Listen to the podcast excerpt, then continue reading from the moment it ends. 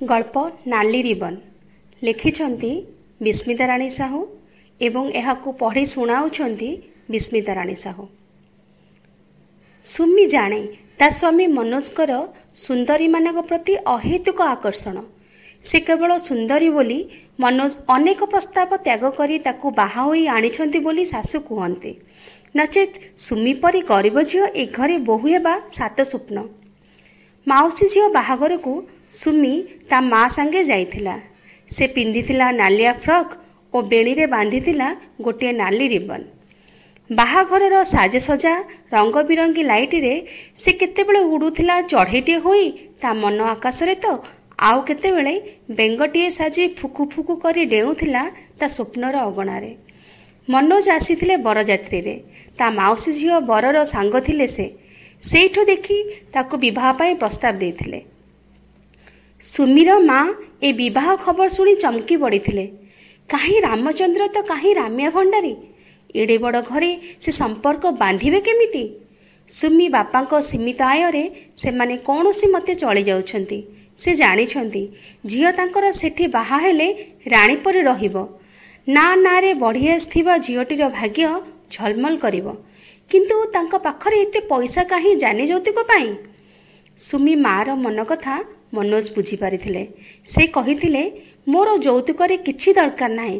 ଖାଲି ସେ ନାଲି ରିବନଟି ଦରକାର ଯୋଉଟା ତା ମାଉସୀ ଝିଅ ବାହାଘରରେ ସୁମି ବାନ୍ଧିଥିଲା। ଏକଥା ଶୁଣି ସୁମି ଓ ତା ବାପା ମା ହସି ହସି ବେଦମ ହେଇଯାଇଥିଲେ। ସେଇଦିନଠୁ ସୁମି ସଯତ୍ନରେ ନାଲି ରିବନଟିକୁ ସାଇତି ରଖିଛି। ତା ସୁନ୍ଦର କେଶରାଜି ପ୍ରତି ମନୋଜଙ୍କର ଭାରି ଲୋଭ। ସୁମି ଯେତେବେଳେ ଚାଲେ ଅଣ୍ଟା ଯାଏ ପଡ଼ିଥିବା ଲମ୍ବା ବେଣୀଟି କୁଆଡ଼େ ଆକାଶରେ ବିଜୁଳି ପରି ଚିକ୍ମିକ୍ କରେ ବୋଲି ମନୋଜ କୁହନ୍ତି। ସେଥିପାଇଁ ସୁମି କେବେ ବି ମନୋଜଙ୍କର ଓ ନିଜର ଏହି କୁନ୍ତଳ ଗୁଚ୍ଛର ଅବହେଳା କରିନି। ସମୟର ଚକ ସହିତ ତାଳ ଦେଇ ସୁମିର ଜୀବନ ରଥ ଗଡ଼ି ଚାଲିଛି। କିଛି ଦିନ ହେବ ତାର ତଳିପେଟ ଓ ପିଠିରେ ଅସହ୍ୟ ଯନ୍ତ୍ରଣା। ଅନେକ ଔଷଧ ଖାଇ ଖାଇ ତାକୁ ଅରୁଚି ଲାଗିଲାଣି। ହଠାତ୍ ମନୋଜ ଘରେ ପହଞ୍ଚି ସୁମିକୁ ଟାଣି ନେଲେ। ତାକୁ କହିଲେ କେବେଠାରୁ ସେମାନେ ବାହାରକୁ ବୁଲି ଯାଇନାହାନ୍ତି। ତେଣୁ ମୁମ୍ବାଇ ବୁଲିଯିବା ପାଇଁ ସେ ଫ୍ଲାଇଟ୍ ଟିକେଟ୍ କରିଦେଇଛନ୍ତି ସୁମିର ଏପରି ଅସହନୀୟ ପେଟ ଯନ୍ତ୍ରଣା ସମୟରେ ମନୋଜ କିପରି ବୁଲିଯିବା ପାଇଁ କହୁଛନ୍ତି ସେ କିଛି ବୁଝିପାରିଲାନି। ସୁମିଙ୍କୁ କିଛି ପ୍ରଶ୍ନର ପଚାରିବାକୁ ସୁଯୋଗ ନ ଦେଇ ମନୋଜ ନିଜେ ନିଜେ ଦୁହିଁଙ୍କ ବ୍ୟାଗ୍ ସଜାଡ଼ି ଦେଲେ। ଅବିଳମ୍ବେ ସେମାନେ ପହଞ୍ଚିଗଲେ ମାୟାନଗରୀ ମୁମ୍ବାଇରେ। ଦୀର୍ଘ ଦୁଇ ମାସ ପରେ ସେ ଆଜି ନିଜକୁ ଆଇନାରେ ଦେଖୁଛି ପୁଣି ଲୁଚିକି। କିନ୍ତୁ କିନ୍ତୁ ଏଇ କ'ଣ? କାହିଁ ଗଲା ତାର ରେଶମୀ ବେଣୀ? କୁଆଡ଼େ ହଜିଗଲା ତାର ଗୋରା ତକ୍ତକ୍ ସୁନ୍ଦରୀ ଚେହେରା? ଆଖି ଦୁଇପଟେ କେଡ଼େ କେଡ଼େ କଳା ଆସ୍ତରଣ। ଇସ୍ କି କୁଶ୍ଚିତ ରୂପ ତାର। ତାର ସାମାନ୍ୟ ଏ ପେଟ କଟା ଯେ ଭୟଙ୍କର କ୍ୟାନ୍ସର ହେଇଥିବ ସୁମି ସ୍ୱପ୍ନରେ ସୁଦ୍ଧା ଚିନ୍ତା କରିନଥିଲା। ଏତେ ଅସୁନ୍ଦର ରୂପ ତାର ମନୋଜ ଯେ ତାର ସୁନ୍ଦରୀ ରୂପକୁ ହିଁ ଦେଖି ବାହା ହୋଇଥିଲେ। ହେଲେ ଏବେ ସେ କ'ଣ କରିବ? କୁଆଡ଼େ ଯିବ? ତାର ବେଣୀକୁ ମନ ଭରି ଭଲ ପାଉଥିବା ମନୋଜ ଏବେ ତାର ଲଣ୍ଡିତ ମସ୍ତକକୁ ଦେଖି କ'ଣ ଭାବୁଥିବେ?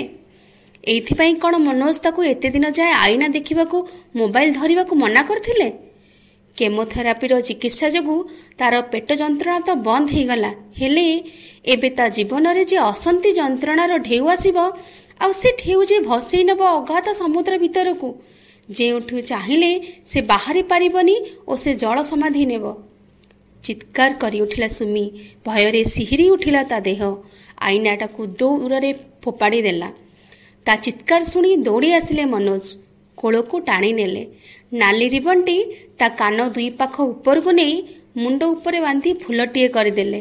କହିଲେ ଦେଖିଲ ସୁମି କେତେ ସୁନ୍ଦର ଛୋଟ ପିଲାଟେ ପରି ଦେଖାଯାଉଛ। ତୁମର ସେ ଲମ୍ବା ବେଣୀଟି ମୋତେ ବେଶୀ ହଇରାଣ କରୁଥିଲା।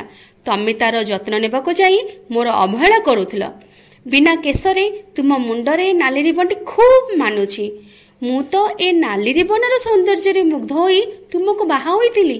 ଭଲ ହେଇଛି। ଭଗବାନ ତୁମ ମୋ ଓ ଏ ନାଲି ରିବନ ମଝିରେ ପ୍ରାଚୀର ସୃଷ୍ଟି କରିଥିବା କେଶଗୁଡ଼ିକୁ ନେଇଯାଇଛନ୍ତି ସୁମି ଆଖିରୁ ଅବାରିତ ଅଶ୍ରୁ ବୋହି ଚାଲୁଥିଲା। ସେ ନାଲି ରିବନଟିକୁ ଧରି ମନୋଜଙ୍କର ଛାତିରେ ମୁଣ୍ଡ ରଖି କେତେବେଳେ ଶୋଇଗଲା ଜାଣିପାରିଲାନି। ଧନ୍ୟବାଦ।